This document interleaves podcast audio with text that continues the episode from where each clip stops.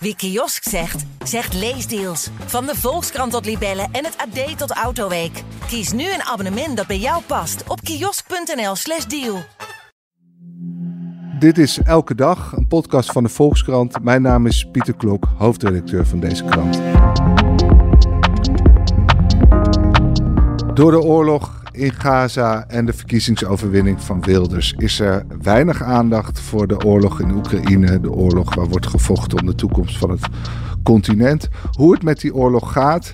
Wat de overwinning van Wilders en andere rechtspopulisten betekent voor, voor de steun aan Oekraïne, ga ik uitgebreid bespreken met onze diplomatiek redacteur Arnoud Brouwers. Arnoud, om te beginnen, goedemorgen bij uh, het, het, slagveld.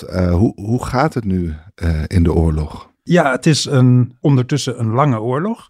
En een lange oorlog met een ongelooflijk lang front. en langs die frontlinie wordt op heel veel plaatsen gevochten. Ik las net iets dat er donderdag en vrijdag meer dan 100 combat engagements waren langs die frontlinie. Dus mocht iemand de gedachte hebben dat het daar op een soort pauzestand staat, uh, of uh, mensen die misschien niet begrijpen wat het woord padstelling betekent, maar er wordt gewoon keihard gevochten.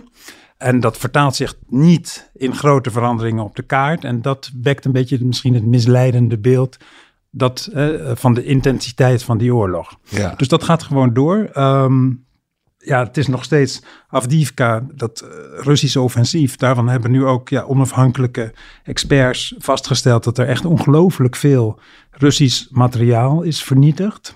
Wat nog een keer ja, laat zien eigenlijk hoe, ja, hoe graag ze het willen hebben.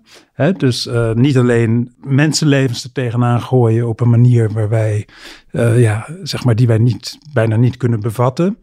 Maar ook materieel, gewoon alles, alles op alles zetten om eh, die stad, de om, omcirkeling ervan te voltooien. Maar om eindelijk weer eens een overwinning ja, te Ja, ik las wel een, een aardige verklaring daarvan, uh, die te maken had met de aankomende presidentsverkiezingen. Mm -hmm. uh, want ja, autocraten willen ook graag uh, dat mensen ze aardig vinden en dat ze steun krijgen. En ja, een van de redenen om nu zo aan te vallen, er zijn een paar redenen. De eerste is dat het Oekraïense tegenoffensief eigenlijk een beetje was ja, ja, verzand. Of in elk geval niet het gevaar meer opleverde wat het daarvoor misschien voor de Russen betekende. Mm -hmm. Dus er was ruimte om zo'n aanval te doen. Uh, dan komen die presidentsverkiezingen eraan. En een derde factor is dat Oekraïne eigenlijk een moeilijke winter tegemoet gaat, omdat de Russische productie van munitie en andere zaken al eerder is opgeschroefd. Uh, het Westen is dat ook aan het doen. Maar er zit een soort gat. En dat gat, ja, dat zou je kunnen denken, dat, dat zouden ze misschien deze winter willen uh, ja, ten, uh, ten voordele gebruiken. Ja, dus ze hebben nu in ieder geval, ze hebben nu een voorsprong, mogelijk een tijdelijke voorsprong, als het Westen de wapenleveranties ook weer uh, op peil krijgt. En daar hopen ze dan gebruik van te maken. Maar weten we, uh, je had het over 100, uh, uh, 100 plekken waar eigenlijk gevochten is of wordt. 100 engagements, dus dat hoeft niet op 100 plekken te zijn. Het kan ook op 20 plaatsen zijn. Maar het, het, het was alleen maar om, om te laten zien dat die oorlog echt voortwoedt. Ja. Uh, en dat er dus ook, uh, als je kijkt naar de dagelijkse dodenaantallen die Oekraïne over Rusland opgeeft. Uh, zijn natuurlijk afgelopen twee maanden astronomisch hoog geweest vanwege dat Russische offensief. Misschien is het overdreven, dat zal wel, we kunnen het niet verifiëren. Maar welke aantallen noemen ze? Nou, dat gaat soms over duizend per dag, of meer dan duizend. En dat is heel veel. Ja. Maar wat we wel weten, omdat westerse journalisten daar af en toe toegelaten worden, is dat de Oekraïne zelf ook heel veel slachtoffers heeft. Uh, dus, uh, en zij zijn de verdedigende partij, tenminste daar. Dus dan kun je zeggen, daarover geven ze trouwens geen cijfers, maken ze niet bekend. Maar je kunt zeker wel zeggen, ook uit de beelden die er gewoon zijn, van de vernietiging van die Russische eenheden, ja, dat daar heel veel slachtoffers bij vallen. Ja. En is het beeld dan dat Rusland nu vooral aanvalt en, en bij loopgravenoorlog is de aanvallende partij eigenlijk het nadeel, zou je kunnen zeggen? Hè? Of die, die, die maakt heel veel slachtoffers. Zie je dat overal of zijn er nog plekken waar Oekraïne nog de aanvallende partij is? Ja, de, dezelfde plekken als waarover we eerder berichten. Dus meer naar het zuiden. Dat gaat ook gewoon door. Ze blijven proberen om er doorheen te stoten, Oekraïne. Ja, ja, dan hebben ze natuurlijk wel hun tactiek aangepast. Hè? Maar dat hebben ze al ja, eigenlijk lang geleden gedaan. Maar het gaat door. Uh, wat erbij is gekomen is die, um, uh, dat ze over de rivier gaan uh, in de buurt van Gerson. Hè? Dus nog verder naar het zuiden. Ook een hele interessante ontwikkeling. Eigenlijk al die dingen gaan door. En het stond een mooi citaat, las ik, van generaal Breedlove. de, de, oud-generaal, Amerikaanse generaal. Die zei van ja, hoe deze oorlog afloopt, ja, daarover is het Westen, ja, is daarbij een zeer bepalende factor. En dat is eigenlijk, dat is ook wel grappig, als je dan ziet wat mensen zeggen in de loopgraven, is dat niet heel erg verschillend. De New York Times was op bezoek bij uh, mensen die daar ingegraven liggen, nog verder noordwaarts, dus niet Avdivka, maar uh, in de buurt van Kupiansk. Mm -hmm. Wordt ook gewoon echt dat, dat vechten daar is nooit opgehouden. Ook uh, een plek waar de Russen eigenlijk vanaf de lente druk op zetten. En die mensen zeggen, ja, wij houden hier de linie ten koste van ook veel slachtoffers. Uh, het is heel vervelend. Je ziet geen resultaten in de zin van de kaart schuift niet op. Maar we doen het wel. Ja. En die, die mensen zeggen ook van ja, als wij meer dit hadden en meer dat hadden en meer dat hadden, ja dan konden we iets anders doen. Dus hun slagkracht wordt volledig bepaald in hun eigen beleving door, het, door de wapens die uit het Westen komen. Nou, niet volledig, want gelukkig zijn de Oekraïners heel creatief en inventief. En hebben ze ook zelf eigenlijk allerlei, zijn ze allerlei wapens, goedkope wapens gaan produceren die ze kunnen gebruiken op het, aan het front. Maar ja, als het gaat om echt de bepalende dingen, dan ja, dat is maar het. Hoe loopt die discussie nou? Want we hebben hier ja. vaker gepraat over de betekenis van de lange afstandsraketten. Hè? En op een gegeven moment slaagde Oekraïne erin om ook uh, uh, plek op de Krim aan te vallen. Om de ja. aanvoerlijnen van de Russen te treffen. En te zorgen dat de, de Russische wapens niet zo makkelijk aan het front terecht kunnen komen. Hoe loopt dat nu? Hebben ze nog steeds voldoende lange afstandsraketten? Of, of lukt dat niet meer zo goed om die aanvoerlijnen nee, die hebben ze niet. Uh, ze, hebben er, ze hebben er een beperkt aantal gekregen uh, van de VS. Uh, die ze ook wel al blijkbaar hebben ingezet, of een deel daarvan. ze hebben natuurlijk van de Fransen en Britten eerder gekregen, maar dat zijn ook beperkte aantallen. En je hebt veel militaire experts. Militaire experts zeggen eigenlijk al vanaf het begin. ten eerste dat zwaartepunt van de oorlog ligt bij de Krim. En westerse landen hebben beschikken over de wapens om het eigenlijk voor de Russen heel moeilijk te maken om de Krim te houden. Ja. Kort samengevat. Dus de vraag na zo lang is, waarom zijn die wapens dan niet gekomen? En het antwoord daarop is ja, steeds meer van oké, okay, het is blijkbaar niet de bedoeling dat Oekraïne de Krim militair terugverovert. Van de VS? Van de VS en van Duitsland. Maar waarom zouden ze dat blijkbaar niet de bedoeling kunnen vinden? Omdat ze altijd twee overwegingen hebben. De eerste is Oekraïne moet niet worden weggevaagd. En de tweede is wij willen niet een direct conflict met de grootste kernmacht ter wereld. Uh, en die tweede factor is bepalend, zou je kunnen denken, uh, om, om dat soort wapens niet in die aantallen te geven. Uh, om ook echt die Krim. Hè, want dat zou natuurlijk een van die factoren kunnen zijn die opeens de oorlog een soort slinger geeft. Ja. Uh, en waardoor alles uh, er weer anders uitziet. En op dit moment is het zo dat ja, mensen die daarnaar kijken, die zeggen. Ja, je kunt niet voorspellen. Hè. Er zijn aan allebei de kanten zwakheden en sterke punten die het op dit moment moeilijk maken om daarover een voorspelling te doen. Ja, maar is het Westen dan ook min of meer, of de landen die je noemde, de, de Verenigde Staten en Duitsland, gebaat bij deze padstelling? Nee, nee. Ik denk dat, ik denk dat we altijd een beetje zuiver moeten redeneren in dit soort zaken en terug naar de oorsprong. De oorsprong is dat Oekraïne is aangevallen. Ja. Alles wat het Westen daaraan doet is echt een reactie daarop. Mm -hmm. uh, dus niemand heeft hier baat bij. Er gaan ontzettend veel mensen dood.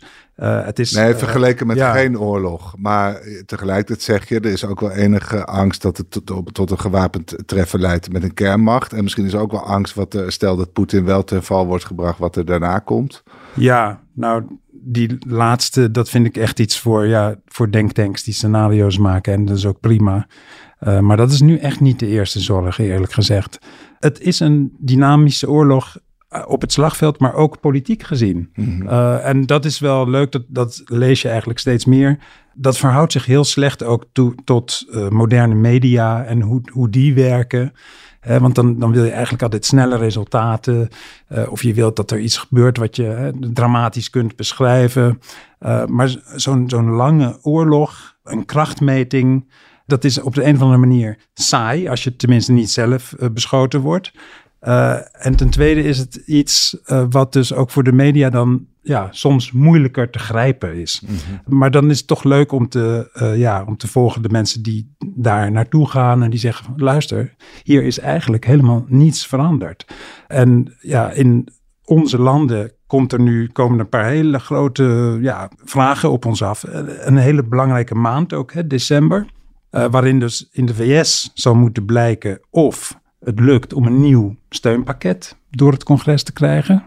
Heel spannend, kun je gewoon van tevoren niet zeggen of dat gaat lukken. Het gaat om heel veel geld. Hè. Ik geloof voor Oekraïne 61 miljard dollar. En dat is uh, voor het merendeel wapens? Ja, of vervanging of andere dingen. Maar het is, het is volgens mij niet exclusief wapens, maar inderdaad. Heel veel geld. Ja. Zeker. Uh, en de Republikeinen die binden dat nu vast. Uh, niet alleen eisen ook over steun aan Israël, maar ook voor het verstevigen van de grens. De Amerikaanse grens. Want ze zeggen, Amerikaanse veiligheid is ook belangrijk. Nou, hoe dat spel gaat eindigen, weten we, weten niet. we niet. We weten wel dat het geld wat al was uh, aan Oekraïne, dat dat op begint te raken. Dus dat het nijpend begint te worden als het komende weken uh, niet een keer een doorbraak komt. Ja, zie je, zie je dezelfde onzekerheden ook aan de Europese kant? Een beetje, in de zin dat Europa ook 50 miljard, hè, ook een enorme som, uh, wil reserveren voor Oekraïne. De komende weken moet daar ook over besluitvorming over komen. Uh, ze wilden nog een andere som, ook 50 miljard, wilden ze ook, wilde de commissie graag ook dat de landen die beschikbaar maken. Dat vind ik wel interessant daartegen is eigenlijk de grootste oppositie op dit moment.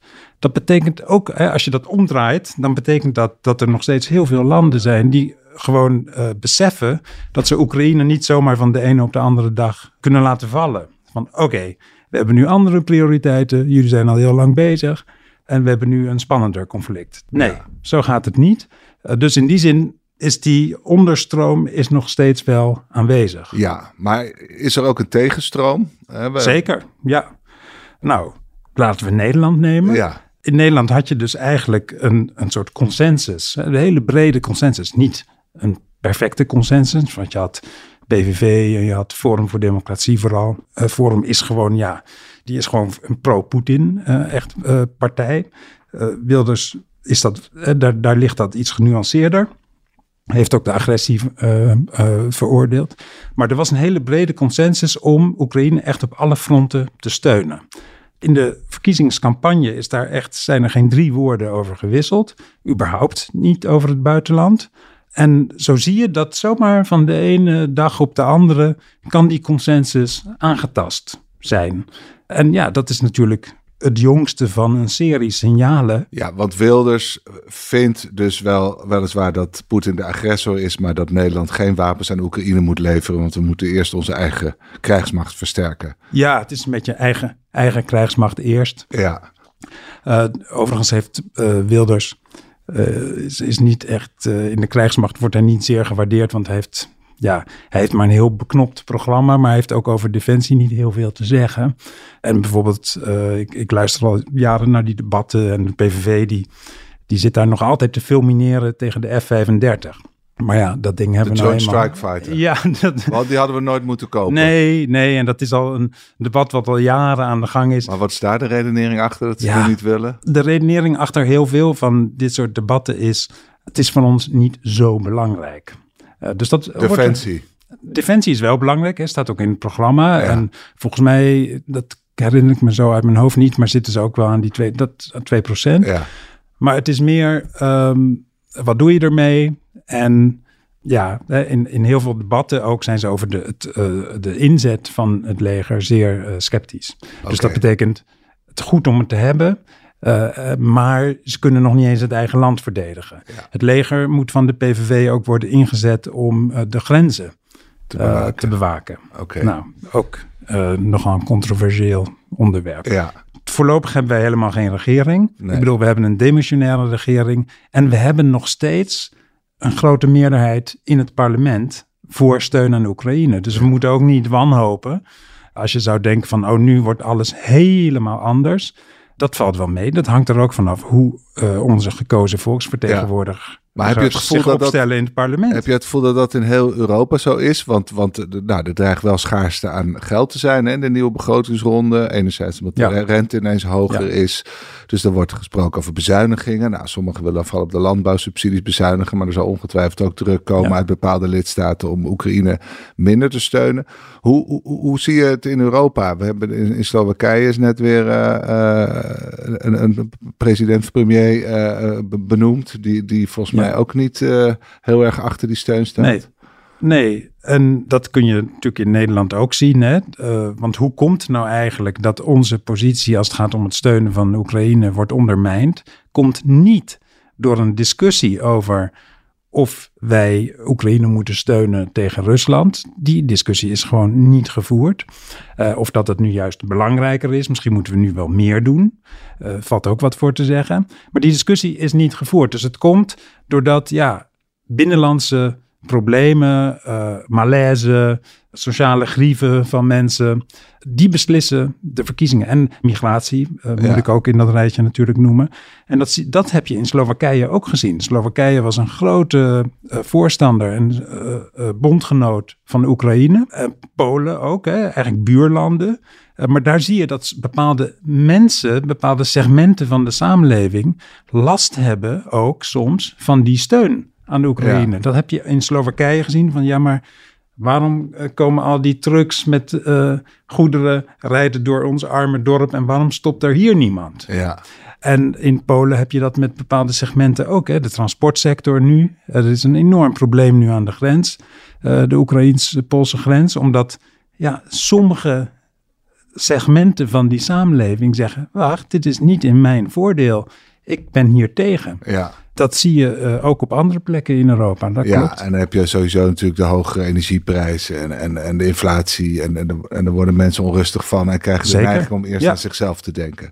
Eh, nou ja, je, eh, en, en als je kijkt naar radicaal rechtse partijen, dan is de, de, ik geloof dat in Frankrijk Marine Le Pen nu in de peilingen zeven punten voorsprong heeft op Macron. Ja, Eh, en dat in Duitsland eh, dat, dat men nog nooit zo'n groot eh, radicaal rechts heeft gezien Ja. als nu. Dus maar jij zegt tegelijk, het staat daar nog steeds een, een grote meerderheid tegenover die, die volledig doordrongen is van de noodzaak van steun aan Oekraïne. Ehm, ja, ik, ik heb meer stukken gelezen in westerse media die analyseren dat die steun afbrokkelt dan dat, ik, dan dat je peilingen ziet. Dan dat je het echt ziet. Ja, het is wel zo. Natuurlijk is dat zo dat het minder wordt. Ook in de VS zie je dat wel. Maar in Europa valt dat tot Ja, nu toe eigenlijk wel mee. Goed, verder doen we niet aan voorspellingen in deze podcast, maar waar hoopt Oekraïne op voor de komende tijd? Hopen ze toch nog op steeds op een doorbraak? Of, of hoe zien zij hun nabije toekomst? Of hebben ze de luxe niet om daarover na te denken? Nou, zij eh, hameren de laatste eh, eh, twee maanden heel erg op luchtverdediging, omdat zij zien het alweer gebeuren. Er komt de, de winter is ingevallen. Rusland heeft waarschijnlijk een arsenaal raketten gespaard om ze op het moeilijkste moment allemaal tegelijk af te kunnen. Hè, om, Want de om die hele is het moeilijkste campagne moment. nou ja, om die hele civiele infrastructuur van Oekraïne weer te gaan raken. Net zoals vorige winter. Vorige winter, eh, ja, als door een wonder en, als, en door heel hard werk daar op de grond. En ook door veel hulp eh, uit het Westen. Ook eh, particuliere initiatieven. Hè. We kennen allemaal wel mensen die, die generatoren of andere dingen hebben verzameld. Die hebben geholpen. Het probleem nu... Toen, ga- neem ons even terug. Ja. Vorige winter gingen ze vooral de elektriciteitscentrales aanvallen, Ja. toch? Rusland. Gewoon om, om het land, Ja. om de stroom uit te schakelen. Eh, zeker. Als jij in, in eh, dat heb je in Rusland ook, als jij daar in de winter reist, eh, dan, dan zit je daar met min 30 en dan kom je in zo'n stadje. En het belangrijkste van het stadje is die gigantische centrale daar, die voor de warmte zorgt. Ja, zonder, da- zonder die centrale wordt het leven heel ongemakkelijk en vervelend. Mhm. Dat weet daar iedereen. En het probleem dit jaar is dat ze hebben dat deels kunnen herstellen, maar niet helemaal. Dus ze beginnen eigenlijk dit winterseizoen in een zwakkere positie vergeleken met vorig jaar. Aan, dat is het slechte nieuws. Het goede nieuws is, sindsdien zijn er wel veel, uh, is er veel luchtverdediging bijgekomen. Dus ook daar hebben Wester, Westerse landen wel degelijk uh, gereageerd. Ja. Uh, de vraag is nou, zal dat genoeg zijn? zijn? Trouwens, vorige week nog heeft Duitsland weer nieuwe uh, ook elementen voor luchtverdediging, luchtafweer ja. aangekondigd. Hè, dat ze die gaan geven. Dus ja, die strijd gaat ook door. Ja. ja. Uh, en, en nog even naar Rusland. Jij schreef afgelopen zaterdag van, nou ja, ze hebben een indrukwekkende oorlogsindustrie opgetuigd, maar we moeten ze vooral ook niet overschatten. Vat ik dat goed samen? Nee, en wat, ik, wat soms goed is, is om eraan te herinneren dat ook Poetin niet helemaal, zeg maar, omdat hij dan een soort autocratisch bestuurd land heeft, dat, dat er geen tegenkrachten zijn of dat hij niet rekening hoeft te, te houden uh, met uh, de public mood. Dat doet hij wel. Of hij berekent dat ook van kan ik het maken of krijg ik dan gaat de sociale onvrede uh, opborrelen tot een hoogte die ik niet wil. Ja, we hebben al de moeders van soldaten die zich nu gaan roeren. Ja, nou is het natuurlijk wel zo dat uh, ook sinds ik daar woonde, uh, zeg maar de, de duimschroeven op een ongelofelijke manier zijn aangedraaid. Hè. Dus dat, dat vroeger, je had altijd soldatenmoeders die, en die protesteerden altijd. Die bestaan echt al heel lang, uh, zeker sinds de, de oorlog, oorlogen in Tsjetsjenië in de jaren negentig. Maar die werden nooit aangepakt. En nu zie je eigenlijk dat nu is het helemaal vrij schieten in Rusland zelf ook, hè, als het gaat om interne kritiek. Dus uh, dat is wel echt een groot die moeders worden nu ook uh, aangepakt? Nou, die, ja, die soldatenmoeders, die oudere ja. organisatie, die is volgens mij wel aangepakt. En je ziet nu dat er eigenlijk, ja, er zit niet echt een rem op, op wat de autoriteiten kunnen nee. doen. Uh, maar tegelijkertijd maar, zeg je, maar Poetins macht is niet onbegrensd. Nee, nee want, want uh, en dat zie je ook wel een beetje, heb je in die mobilisatiediscussie gezien. Het is niet zo hè, dat uh, Russen, en kijk bijvoorbeeld naar Moscovieten, zitten die nou collectief in de loopgraven? Ik geloof het niet. Uh, die zitten gewoon nog steeds in die dure restaurants, voor, als ze het nog kunnen leiden. Dus sommige arme sloebers in verre gebieden worden veel harder aangepakt in deze oorlog dan de groepen die uh, misschien belangrijker zijn voor het machtscentrum. Ja. Uh, dus daaruit zie je al dat al die berekeningen wel degelijk achter de schermen ja, uh, dus hij bestaan en gemaakt worden. Ja. ja, en ook qua inzet van wapens natuurlijk, omdat niet alleen de VS hebben gezegd dat ze uh, niet gediend zijn van die nucleaire dreigementen, maar de Chinezen hebben dat net zo hard gezegd. Ja. Uh, dus er zijn ook daar uh, marges waarbinnen okay. je opereert. Goed, blijf het voor ons volgen. Dank voor je heldere uitleg. En u luisteraar, dank voor het luisteren naar de Volksstand Elke Dag. Deze aflevering werd gemaakt door Lotte Grimbergen, Julia van Alem en Rinky Bartels. Wilt u de Volkskrant steunen? Dat kan. Vooral door een abonnement te nemen. En dat kan u voordelig via volkskrant.nl slash podcastactie. Want deze podcast is gratis, maar onze journalistiek is dat niet. Morgen zijn we weer. Tot dan. Wie kiosk zegt, zegt leesdeals. Van de Volkskrant tot Libellen en het AD tot Autoweek. Kies nu een abonnement dat bij jou past op kiosk.nl slash deal.